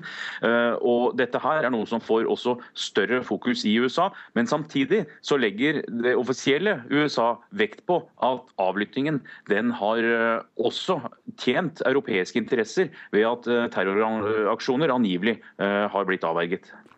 Det er en EU-delegasjon eh, e i USA nå, og Tyskland skal sende etterretningssjefer til USA for å få klarhet i avlyttingen av eh, forbundskansler Angela Merkel. Hvilke svar kan disse delegasjonene få, tror du? Ja, det er to delegasjoner her fra Europaparlamentet, og begge hadde planlagt dette besøket før avlyttingen av Merkel ble kjent. Dette kom etter at avsløringene i, i, i sommer om at eh, europeiske e-poster og datatrafikk ble, ble, overvåket. De var i Kongressen i går, og på trappa til eh, Kongressen så sa de at tilliten må bygges på nytt. Eh, nå hører de at overvåkningsprogrammene er under vurdering, og at de altså skal få svar til nyttår om det kan bli bli nye retningslinjer for etterretningstjenesten. Eh, delegasjonen skal også til Det hvite hus i morgen onsdag. Men om de reiser hjem etter tre dager i USA mer beroliget, det er for tidlig å svare på i dag. Så skal vi si litt om det avisene skriver om på førstesidene sine i dag. Fremskrittspartiet frykter Sandbergs bokbombe, er oppslaget i VG. Smakebiter fra boka skal ha fått det til å gå kaldt nedover ryggen på flere partitopper. Tror på comeback for Per Sandberg, skriver Adresseavisen. Carl I. Hagen og flere andre sentrale Frp-ere tror Sandbergs sorti er midlertidig, selv om han trekker seg som nestleder. Bård Vegar Solhjell vil slå sammen SV og Miljøpartiet De Grønne. I Klassekampen skriver SV-nestlederen at eh, forskjellene mellom dem er akkurat så store at de får plass i ett parti. Siv Jensen sier hun åpner for at flere kan få boliglån gjennom sitt brev til Finanstilsynet om fleksibel og fornuftig tolkning av egenkapitalkravet. Det er en uredelig påstand, sier Arbeiderpartiet til eh, Dagens Næringsliv, og finansnæringen selv mener det vil ta en god stund før eh, det gir resultater, altså at det blir eh, boliglån til flere. EU ber Listhaug droppe ostetollen, er oppslaget i Nasjonen. Det spente forholdet mellom Norge og EU kan bli bedre med Sylvi Listhaug som landbruksminister, mener EUs landbrukskommissær. Vil ha slutt på ansattes turnusveto, er oppslaget i Aftenposten. Arbeidsgiverorganisasjonen Spekter ber regjeringen redusere arbeidstakernes makt over vaktplan, vaktplanene. LO og Unio varsler kamp mot det. Marit Christensen nekter å stoppe boka om Wenche Behring Breivik, skriver Dagbladet. Jeg har fått ny og viktig informasjon, sier Christensen, og sier at hennes samfunnsoppdrag kommer i første rekke. Et flertall av sørlendingene er for kirkelig vielse av homofile, kan vi lese i Fedrelandsvennen. Undersøkelse viser at 5% av de spurte vurderer utmelding av kirken dersom homofile, eh, homofil vielse blir en realitet. Heksene slipper inn i Den norske kirke, det skriver Vårt Land. Grorud i Oslo inviterer barn til halloweenvandring mellom gravstøtter og levende lik på allehelgensaften. Feil og morbid, sier presten Eivind Skeie til avisa. Framtidas realfagsstudenter skapes nå, bl.a. i første klasse på Sørvik skole i Harstad. De hadde i går kveld matematisk aften, arrangert av Nordnorsk Vitensenter i Tromsø. Og dermed måtte både voksne og barn nærmest eh, sitte igjen for å få ny viten. Matematisk aften, spill og aktiviteter. Hildegunn Nordvik, er du et mattegeni, eller? Nei, kan vel ikke si det akkurat. Så det her blir jo veldig spennende, da. Vi skal spille spill. Ja, det er derfor fordi vi har langskole i dag. En Sirkel med to øyne. En sirkel? Er det én sirkel, eller er det mange Hvor mange sirkler er det her egentlig? Fire. Det er jo bare én og to. Nei, det blir det som er rundt. Og den rundt òg. Tre. Astrid Wara. Er det framtidas ingeniører og realfagstudenter dere skal dyrke frem her? Helt klart. Helt klart det er det vi vil ha. Vi vil vekke den lille undringa, den lille gnisten, som gjør at eh, noen av de her de kommer til å bli eh, de som eh, gjør den avgjørende oppdagelsen på Arnøya rakettfelt, kanskje. Poenget med det her er egentlig bare å ha en uformell, lekende tilnærming til matematikken. Hvor unge og voksne kan ha det artig med matte sammen. Og så I tillegg så har vi en liten voksenprat på slutten hvor vi snakker litt om hva kan vi foreldre gjøre for å hjelpe seksåringene, sjuåringene med å komme i gang med matematikken og skjønne tall, rett og slett. Skjønne koblinga tall-mengde. Hva, hva gjør vi når vi skal regne, rett og slett. Ja, Hva kan foreldre gjøre? Først og fremst så er det viktig å være positiv til det som har med læring og skole å gjøre. Men mange foreldre hater jo matematikk. Det var det mest grusomme man kunne ha på skolen. Og det er jo det som er så trist. For det at man, vi viderefører gjerne våre egne holdninger til, til ungene våre, om vi vil det eller ikke. Men en av de tingene som man kan gjøre, det er å bare bruke matematiske ord. Altså dekk på bordet. Hvor mange, hvor mange, kniver har du tatt nå? Ja, jeg har tatt tre. Ja, men når bestemor og bestefar kommer også, hvor mange blir vi da? Ja, det er litt vanskelig. Jeg syns du bruker fingrene. Hva bruker du fingrene til? Telle. Snart ferdig. Jeg liker å gå på skole og liker å gjøre matematikk. Og jeg liker Jeg syns det er alt bra. Hvis jeg sier at det er kjedelig, ja? Nei. Det sier du bare fordi du sitter på mamma sitt fang. Nei. Trude Lorentzen, du er lærer for disse elevene. Hva tror du du gjør for undervisningen framover? Nei, det kan jo gi både elevene og oss og foreldre tips på hvordan vi kan lære ungene våre matte. Ja, Skal man leke med? Ja, absolutt. Det er lek de lærer ved. Absolutt. Vi leker med både prikker og spill, og om dagen spilte vi stigespillet bl.a. for å lære oss å telle. Reporter blant eh, ja, framtidas realfagshåp, det var Nils Meren. Du lytter til Nyhetsmorgen. Vi nevner at til Politisk kvarter kommer både Sveriges og Norges statsminister, Fredrik Reinfeldt og Erna Solberg. Prosent for Nyhetsmorgen, Kari Bekken Larsen. Her i studio, Øystein Heggen. Nå får vi Dagsnytt.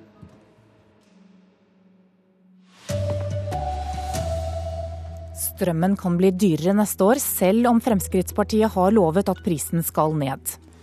Norsk agent sier at han skjøt sovjetiske soldater under den kalde krigen. Og partifeller frykter avsløringer i boken til Per Sandberg. Her er NRK Dagsnytt, klokka er 7.30. I flere år har Fremskrittspartiet lovet velgerne billigere strøm. Men strømmen kan likevel bli dyrere neste år. På mitt kontor så har en av oppgavene vært å rydde i skuffene til Sigbjørn Johnsen. I kontorskuffen har finansminister Siv Jensen funnet et Johnsen-forslag om å øke elavgiften med 10% Det vil gi en halv milliard ekstra strømkroner fra forbrukere til staten.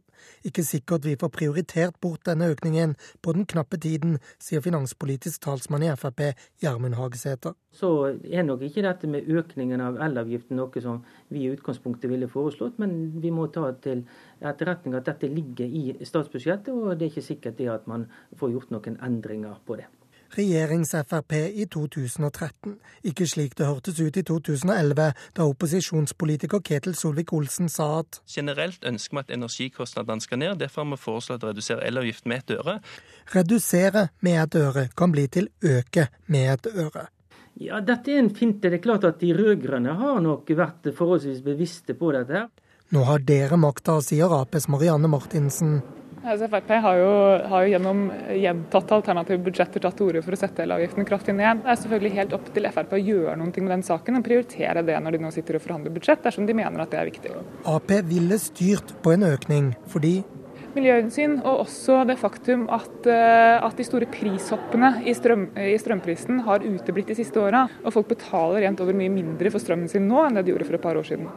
Reportere var Lars Nehru Sand og Katrin Hellesnes. Politisk kommentator Trine Eilertsen, Fremskrittspartiet ønsker altså å redusere elavgiften. Kan ikke regjeringen bare gjøre det dersom den mener at det er viktig? Ja, I prinsippet kan de bare gjøre det og så stryke den eh, økningen. Eh, men det er klart at det puslespillet de skal få til å gå opp eh, For denne regjeringen ønsker også å bruke mer penger på andre poster. Det betyr at en sånn strykning sannsynligvis betyr at du må hente penger andre steder. Og det er ikke en større post enn at det begynner å bli veldig komplisert hvis du skal stryke veldig mange av de egentlig små postene for å dekke inn for større utgifter.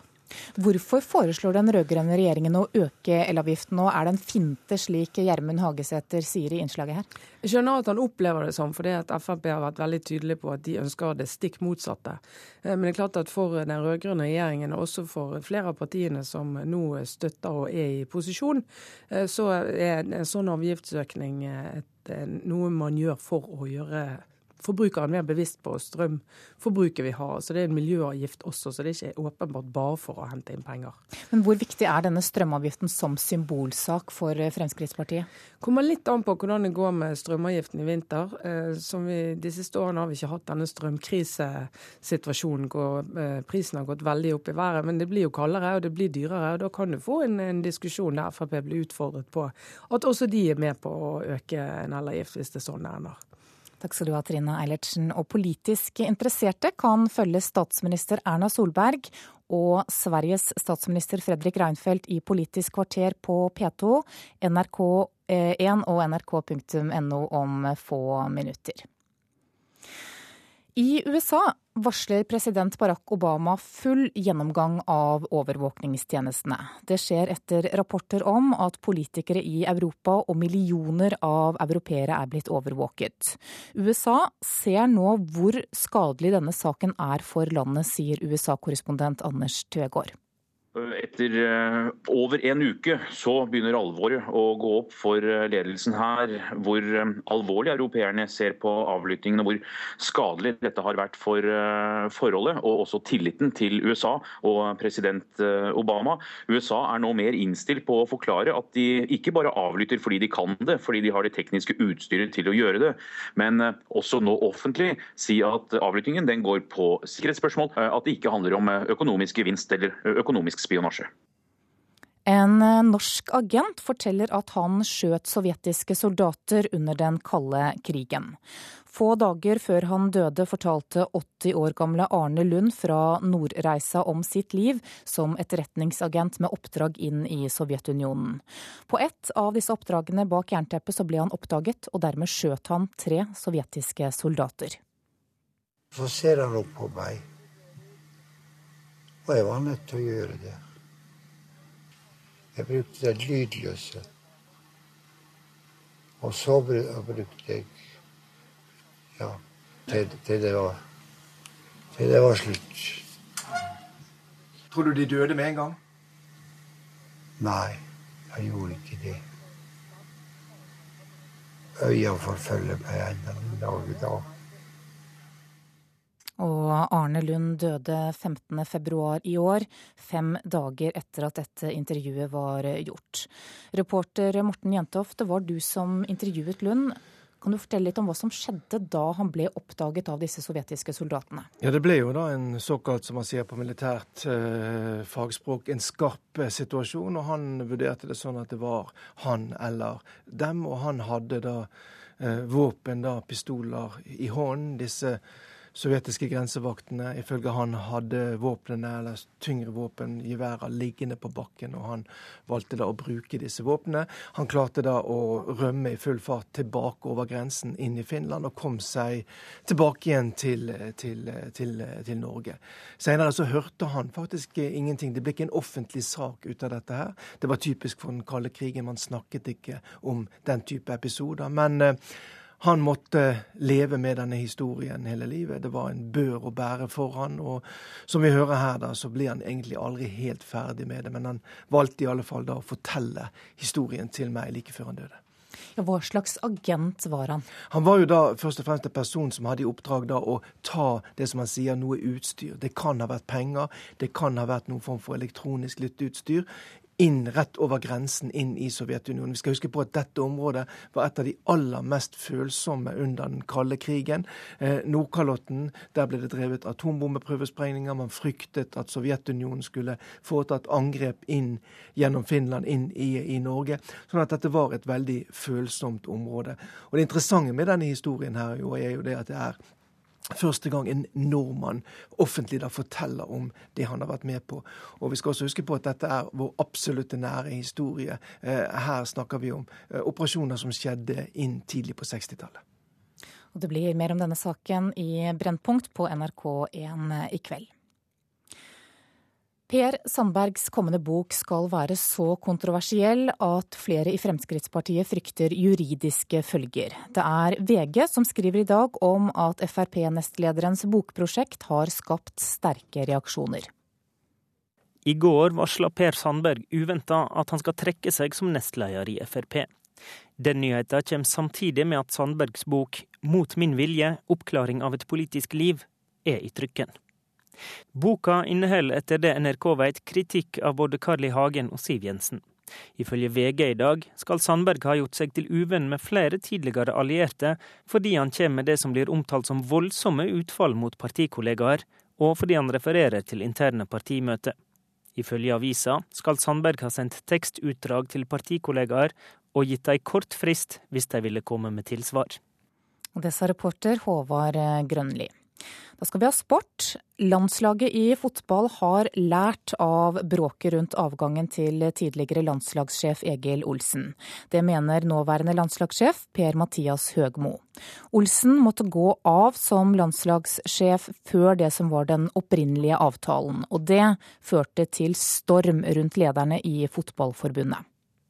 Det ble i hvert fall en sånn utmerket mulighet for å erfaring for både spillere og, og meg og støtteapparatet å holde fokus på det som det handler om, nemlig å, å utvikle laget og, og, vinne fotballkamper. Forteller P. Mathias Høgmo, og forsøker å se det positive i den uryddige prosessen, der Egil Drillo Olsen fikk sparken, slik at han selv kunne overta styringen av Norge på tampen av den mislykkede VM-kvalifiseringen. Høgmo tviholder nå på at det var viktig lærdom som satt igjen. Eh, det vil alltid være diskusjoner. Det vil alltid være støy av positiv eller negativ karakter rundt et A-landslag, og, og det, det, må man lære seg å leve med.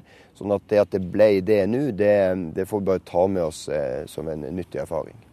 Reporter her, det var Thomas eh, Lerdal. Minner om Politisk kvarter om noen få minutter. Nå er både Erna Solberg og statsminister i Sverige Fredrik Reinfeldt på vei inn i eh, studio om noen få strakser. Ansvarlig for denne sendingen var Bjørn Christian Jacobsen. Teknisk ansvarlig Hanne Lunås, og her i studio Anne Jetlund Hansen.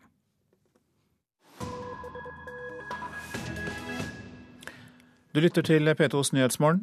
I Sør-Afrika har et privat sikkerhetsselskap blitt fratatt driften av et fengsel etter at det ble avdekket tortur og neddoping av fanger. Nå vil landet avslutte prøveprosjektet med privat drift av fengsler. Denne reportasjen er laget av Stig Arild Pettersen. Det er mai i år. Fangevoktere ved Mangang-fengselet i Blumfontein har blitt tilkalt for å roe ned en fange. Fangen heter Beki Dlamini. Fangevokterne vil gi ham en sprøyte med sterk antipsykotisk medisin. En medisin som kan gi hukommelsestap, muskelskader og i verste fall slag. Dlamini har ingen tegn til psykose. Han motsetter seg det han kaller eselmedisin. Jeg er ikke et dyr, bønnfaller Glamini, før sprøyten blir tvunget inn i ham. Dette skal ikke være et enkelttilfelle ved Mangang-fengselet. Systematisk tvangsinjeksjon av antipsykotiske medisiner blir brukt som straffemetode, hevder Egon Oswald, som er advokat for flere innsatte, overfor BBC. There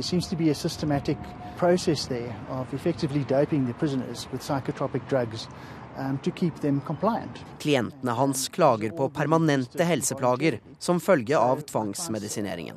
Most of them are complaining of a variety of symptoms, um, for example, locked jaw, spasms of the neck. In fact, I've got one client that um, was permanently paralyzed in a locked position. Men sprøytene er ikke det eneste fangene i Mangang frykter. Dette opptaket skal være fra august. En fange blir straffet med elektrisk sjokk. En praksis flere fanger og tidligere ansatte forteller er vanlig i fengselet.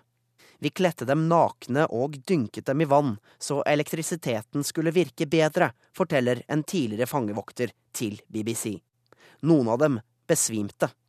Advokat Egan Oswald er klar på at dette er en ukultur som strider mot Grunnloven.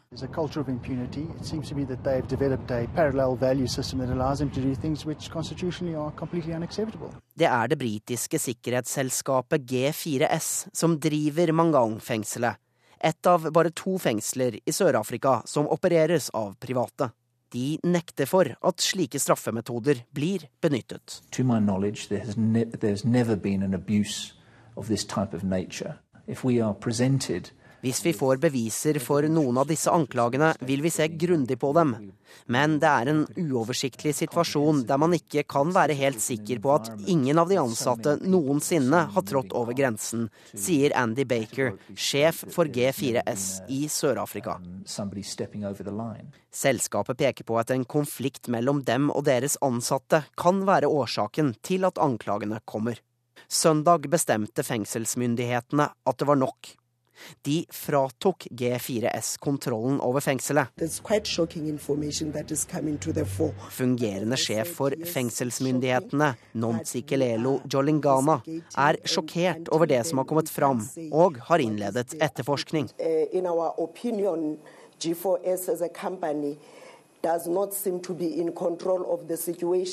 Erfaringene med privat drevne fengsler har ikke vært gode, sier Jolingana. Nå skal de stoppes. private facilities. And after the lessons learned from both facilities, there will no longer be a correctional center in South Africa that is run by a private company. Dette er eh, hovedsaker i eh, P2s eh, Nyhetsmorgen. Strømmen kan bli dyrere neste år, selv om Frp har lovet at prisen skal ned. Den blå regjeringen kan bli nødt til å ta med seg den økte elavgiften i de rød-grønnes forslag til statsbudsjett. Norsk agent sier han skjøt sovjetiske soldater under den kalde krigen. Få dager før han døde, fortalte Arne Lund fra Nordreisa om sitt liv som etterretningsagent. Og det blir mer om den saken i Brennpunkt på TV i kveld. Partifeller frykter avsløringer i boka til Per Sandberg. Frp-nestlederens bokprosjekt har skapt sterke reaksjoner i partiet. Og om få sekunder er det tid for Politisk kvarter her i Nyhetsmorgen.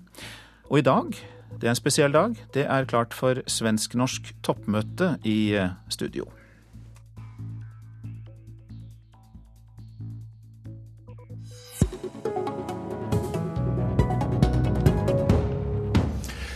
De nordiske statsministrene er i Oslo for å snakke om nordisk samarbeid, og her i studio sitter eh, to av dem. Velkommen til Politisk kvarter, Erna Solberg og Sveriges statsminister eh, Fredrik Reinfeldt. Takk så mye. Dere skal altså møtes i en debatt i Stortinget i ettermiddag i forbindelse med Nordisk råds sesjon i Oslo, og temaet er visjoner for det nordiske samarbeidet, intet mindre. Så la oss starte da med det store bildet. Hva er egentlig visjonen, Reinfeldt? Ja, vi försöker ju at att säkerställa att människor jobbar eh, i en tid när vi kommer leva allt längre för att också säkra de mycket omfattande välfärdsambitioner som finns i de nordiska länderna. Det är så vår modell håller ihop, om man ska kalla det för en modell. Det vill säga, många måste jobba för att på det sättet säkra att vi får bra sjukvård, bra skola. Mm. Men er det et felles nordisk anliggende? Og hvordan ser du for deg at det nordiske samarbeidet skal, skal bidra i, i, en sånn sammenheng? Ja, det er litt spesielt for Norden, derfor at vi har eh, veldig velutviklede eh, velferdssystem. Og vi har dessuten tidlig eh, de her tegnene på en aldrende befolkning. Det er i grunnen veldig positivt. Veldig mange som nå fødes i Sverige, kommer sikkert leve til å bli 100 år gamle. Men vi tenderer fortsatt å slutte å jobbe når vi er straks over 60. Og den, eh, det der måste rimligen mötas med at vi oppmuntrer folk til å jobbe längre opp i år enn de som har lust og vilja att gjøre det. Mm. Därför att annars så kommer det bli svårt med pensionsutbetalningar og til slutt også äldreomsorg og sjukvård. Og det tror jeg Norden er et eksempel. Sen kommer en del andre länder få likartade frågeställningar men her har vi veldig likartade utgångspunkter. Mm. Erna Solberg, hvis vi begynner med samme, samme spørsmål til deg. Da, hvis du liksom skal tegne det litt store bildet her. Hva er visjonen, egentlig? Altså, den store utfordringen er jo det å skape nok jobber, sørge for å sikre velferden. Og Da må jo visjonen være at det nordiske samarbeidet faktisk betyr noe for de viktigste utfordringene for de nordiske landene. Eh, og jeg tror jo at, eh, at den nordiske dimensjonen i det dreier seg om å finne de områdene hvor vi faktisk kan ha praktisk gjennomførbart samarbeid. Noe av det som har kommet ut av et tidligere statsministermøte, er jo på samarbeid på, på spesielle sykdommer. Altså Der hvor hvert land er for liten til å ha et godt kvalifisert tilbud. Så jobber man nå med hvor kan vi på en måte samarbeide innenfor Norden og ha områder hvor disse sykdomsbildene faktisk er det et nordisk ansvar for å følge opp forskning an på. Jeg tenker meg også at det er mye vi kan samarbeide på forskning og utvikling, på teknologiutvikling.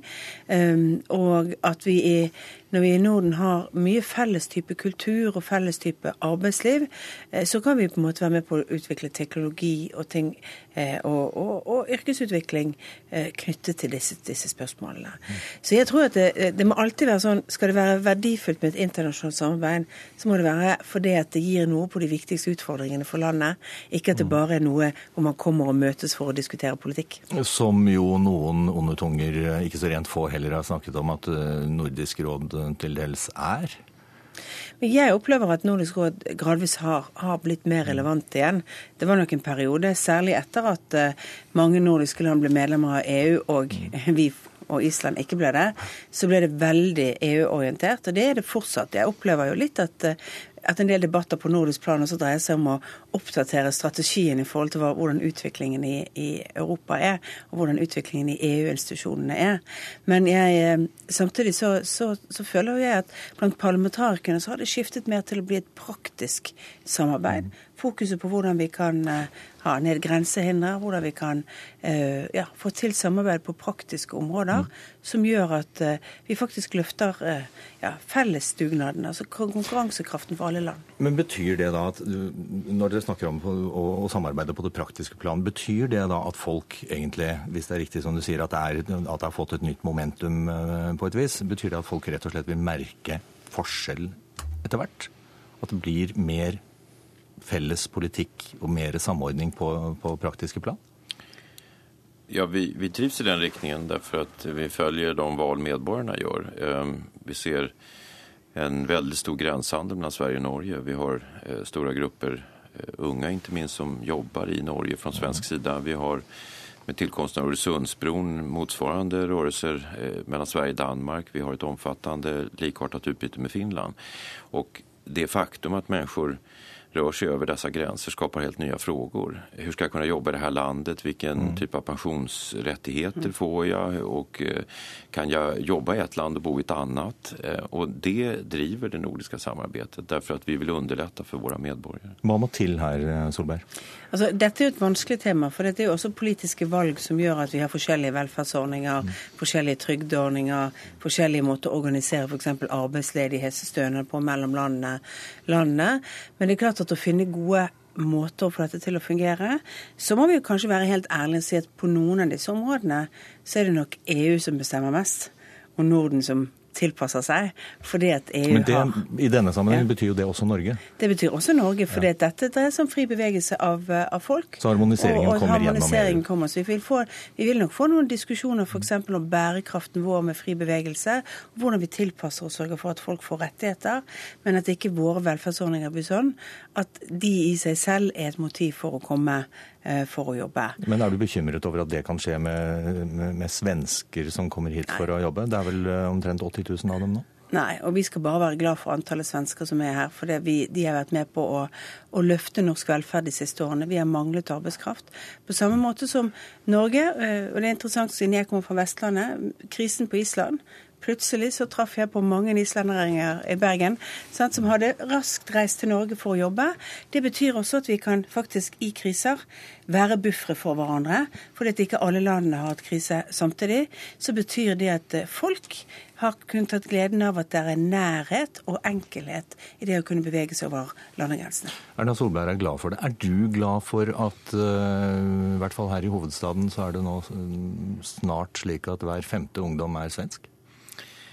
Ja, jag tycker att det är bra när gränser minskar i betydelse. Därför att eh, mellan våra länder så är det så mycket som är likartat och våra befolkningar är så eh, ja, eh, likartade i syn på mye. Ja, er vi det? Ja, det tror jeg. Det må vi, det må vi tilbake til etterpå. Men, men, men, men, akkurat når det gjelder denne store arbeidsinnvandringen altså, eh, det er enormt mange svenske ungdommer som forlater Sverige for å jobbe her. Ja. Er det også en grunn til en bekymring på lang sikt? Nei, det syns jeg ikke. Derfor att, eh, jeg tror at det er bra at de får erfaringer av å ha vært i et annet land. Vi får jo også minnes den svenske historien. Vi har jo hatt generasjoner av mennesker som har kommet til Sverige fra ulike länder. I det nordiske samarbeidet hovedsakelig fra Finland. Eh, vi har veldig mange som just nå kommer fra Syrien, vi har haft mm. från Afghanistan, Somalia. Så för Sverige är det här något naturligt att människor kommer till oss för att arbeta och då finns det också exempel på att ibland en del lämnar Sverige för en tid i alla fall. Mm. Och nu har, precis som Erna säger, eh, det har närmast varit arbetskraftsbrist i Norge og och det är bra att vi på det här sättet kan hjälpa varandra för att annars så kan vi alltså få kriser som fördjupas om vi inte på det här sättet kan ha rörlig arbetskraft. Gör detta noe med det svenske bildet av Norge? Ja, den blir mer positiv, jeg er helt övertygad om. Det kjennes som at Norge er et land som drar, som er eh, bra å komme til, for der kan man få jobb. Og eh, om vi til det legger den store gränshandel som ju norrmän som kommer inn i Sverige innebär så finns en väldigt positiv bild av hur norsk ekonomi och mm. Norge drar Sverige också och drar svensk ekonomi som jag stöter på framförallt i västra Sverige. Og akkurat det siste der er kanskje ikke noe Erna Solberg uten videre er enig i. Du skulle gjerne tetta det. Den, Vi skulle selvfølgelig gjerne tettet grensehandelen, men det er noe sånn når mange bor nær en grense, så vil de bevege seg og kjøpe varer der det er billigst. Det er klart at det er en utfordring for vår handelsnæring nær grensen. Eh, samtidig samtidig så er det da en velsignelse på andre siden. Og eh, norske firmaer har etablert seg i Sverige som en Mm. konsekvens av,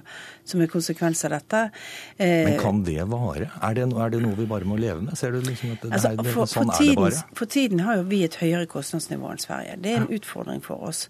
Nå Og jo min- Reinfeldt vil gjøre så godt han kan Ja. for å, holde, for Ja. for, for å sørge Min for at det ambisjon er også at vi ikke skal ha et stigende kostnadsnivå. Samtidig så er jeg opptatt av at det kostnadsnivået gir også det velferdsnivået hver enkelt familie har i Norge.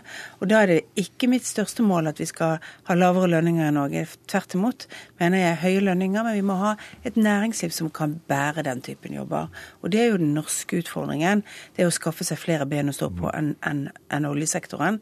Og sørge for at vi i fremtiden også kan bære den typen utgifter.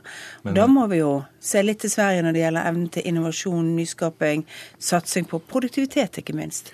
Eh, Sverige er- har vært bedre enn oss på produktivitet i alle år. Det er ting som, eh, som eh, er spennende å for oss å lære litt mer om hva er de dynamiske faktorene i Sverige som både danskene og vi bør se på, for hvordan vi kan løfte eh, vår produktivitet. Eh, Reinfeldt sa at, eh, dette, at så mange svensker mm, lever og arbeider i Norge, at det gir en mer positiv bilde. Samtidig så har jo da etter regjeringsskiftet så har det vært stor oppmerksomhet i Sverige om at nå sitter, nå sitter det en Høyre-Frp-regjering i Norge. Og det bildet har vel ikke egentlig vært så veldig positivt. Hva, hva syns du om, disse, om, om de skriveriene som har vært eh, omkring dette her? I sanningen tror jeg at veldig få i Sverige eh, kan så veldig mye av hva de ulike partiene står för. Eh, Utan eh, skälet till detta är ju att vi har en stor svensk diskussion om vi ska se på det parti vi har i Sverige, nämligen Sverigedemokraterna. Och så kom in i riksdagen nu senaste valet 2010. Och det partiet har tydliga rötter i rasism och i säga, den typ av grupperingar som fanns på 90-talet, Bevara Sverige svenskt och liknande. Och det har ju lett till en stor samhällsdebatt. Mm. Vi har sagt att vi politiskt vill isolera detta parti från inflytande och de är så entydigt inriktade på att ha negativ verkan mot innvandrere, invandrare. Och skälet är att några då har ägnat sig åt att försöka översätta detta till norsk politik. Vilket jag tror oftast är svårt att göra. Man, man ska minnas att partier har olika historier och det ser olika ut mellan olika länder. Eh, Men jag vill också understryka att jag tycker kanske inte att det har varit så omfattande stor diskussion om detta i Sverige. Det är bara vi som tror det. Ja, alltså den store stora, Ja. eh, låt oss komma ihåg att eh, Erna påpekade det också igår på presskonferensen att eh, när, när Sverige tittar på vårt omvärldsberoende då är nu Tyskland och Norge våra största handelspartner. Mm. Vi är alltså mycket beroende av varandra och vi stöttar och hjälper varandra vill jag säga i ett Europa som i övrigt krisar rätt mycket så håller vi varandra uppe och det tycker jag är den viktigare bilden av samarbetet mellan Sverige och Norge. Men samtidig, hvis dette er et inntrykk som fester seg i den svenske befolkningen, her sitter det et parti som då sammenlignes med Sverigedemokraterna, eh, som sitter i regjeringen, det er jo ikke bra. Er det? Ja, återigen, jag tyckte Erna svarade bra på detta igår. Men det följer av, bara så man är klar över det, att vår vilja att isolera Sverigedemokraterna i Sverige, men det beror ju på att de har en annan bakgrund och en annan inriktning på vad de vill eh, Syns du det er problematisk, Solberg? Eh, Jeg syns det er problematisk med det bildet som er gitt eh, i Sverige og en del europeiske land. Men den andre siden så vet jeg at eh, den eneste måten å forhindre det bildet, det er faktisk å vise hva regjeringen gjør. På områder som integrering, på områder som, som eh, innvandringspolitikken, og, og vise på en måte at dette er en regjering som faktisk eh, har en aktiv politikk for at folk skal føle større tilhørighet til det norske samfunnet. At vi skal eh, motvirke at minoriteter føler seg på siden, og faktisk har en aktiv politikk for de tingene. Og så tenker jeg at det er jo sånn vi ser på verden rundt oss òg. Vi lager bokser, og så plasserer vi de ut ifra vårt verdensbilde. Så plasserer vi andre politiske systemer i de boksene som de skal passe til vårt system. Så svenskene må, korrigere- svenskene må korrigere boksene sine litt? Ja, eller tyskerne, eller franskmenn, eller annet. For det, altså der hvor det har vært sånne oppslag rundt omkring, så plasserer de litt i sin kontekst og sin måte å tenke politikk på. Og, og det blir litt spesielt, for ingen land har helt like politiske systemer. Eh, Og, og partidannelsen i ulike land går ikke an å oversette til den hjemlige arenaen. Men uh, nå sitter jo altså dere eh, i hver deres statsministerstol, i hvert deres land. Dere, dere må jo ha lært en del av hverandre. Altså, du Solberg var i Bondevik-regjeringen, da var Reinfeldt i opposisjon, vice versa en stund. Nå, nå sitter dere altså med hver deres regjering, og det er høyredominerte regjeringer, om du tillater, Reinfeldt, uh, i begge land. Hvordan kommer folk til å merke det? Kommer den jevne mann og kvinne til å merke noen forskjell? Altså jeg håper man kommer til å merke det i Norge på at det blir større valgfrihet. Det blir større respekt for mangfold, at folk kan velge ulike løsninger. Nå snakker jeg i forholdet til Sverige. Men i forhold til Sverige jeg, jeg, jeg, tror jo at det har vært et godt forhold mellom den svenske regjeringen og den tidligere norske mm. regjeringen òg. Fordi vi er så tett og vi er så avhengige av hverandre. Men jeg tror kanskje man kommer til å oppleve det at, eh, at på noen områder så er det fordi at ikke bare jeg, men flere av mine regjeringsmedlemmer jo også, har jo også gode kontakter med, med medlemmer i Reinfeldts regjering og har lært mye. På noen områder så har vi sagt at det har skjedd spennende ting i Sverige som vi har lyst til å se på. På noen områder har vi sagt at vi ser om, kanskje hva vi ikke skal gjøre. Men du snakker om uh, harmonisering av regler, gjøre det enklere for, med forflytninger osv. Kommer det noe konkret på det området? Jeg har et ønske om at det kanskje mest av alt kommer mer konkret på det som jeg snakket om tidligere, på helseområdet på, kanskje på forskningssamarbeid og på utdanningssamarbeid, at det er områder som vi kunne ut, utforsket mer. Mm. Og det er noe du er med på, Reinfeldt? Ja, absolutt. Ja, som jeg sa, det, det faktum at mennesker rører seg over våre grenser som vi bør titte på som utgangspunkt. Og det har jo vært Ernas poeng også. Prate ut ifra hvordan mennesker ser ut, og ikke ut ifra system. Mm. Takk skal dere ha. Det var det vi rakk i denne utgaven av Politisk kvarter. Nå fortsetter Nyhetsmorgen etter Dagsnytt. Takk til Fredrik Reinfeldt, takk til Erna Solberg. Jeg heter Alf Hartken, og det var det vi rakk i dag. Hør flere podkaster på nrk.no podkast.